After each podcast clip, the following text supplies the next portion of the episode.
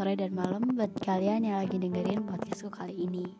Oh iya, mungkin selama beberapa menit ke depan aku akan nemenin kalian dan mungkin dari podcastku ini kita bisa saling mengambil sisi positifnya dan buang sisi negatifnya ya.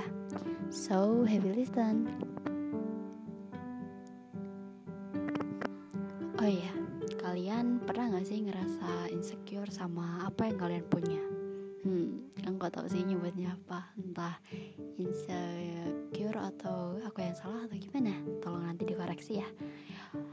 Hmm, aku sih sering banget ya ngerasa kurang dengan apa yang aku punya.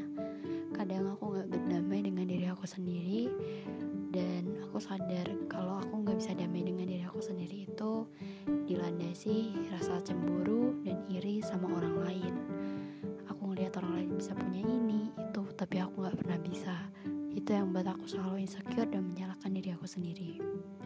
Padahal menurut aku itu adalah tindakan yang salah banget.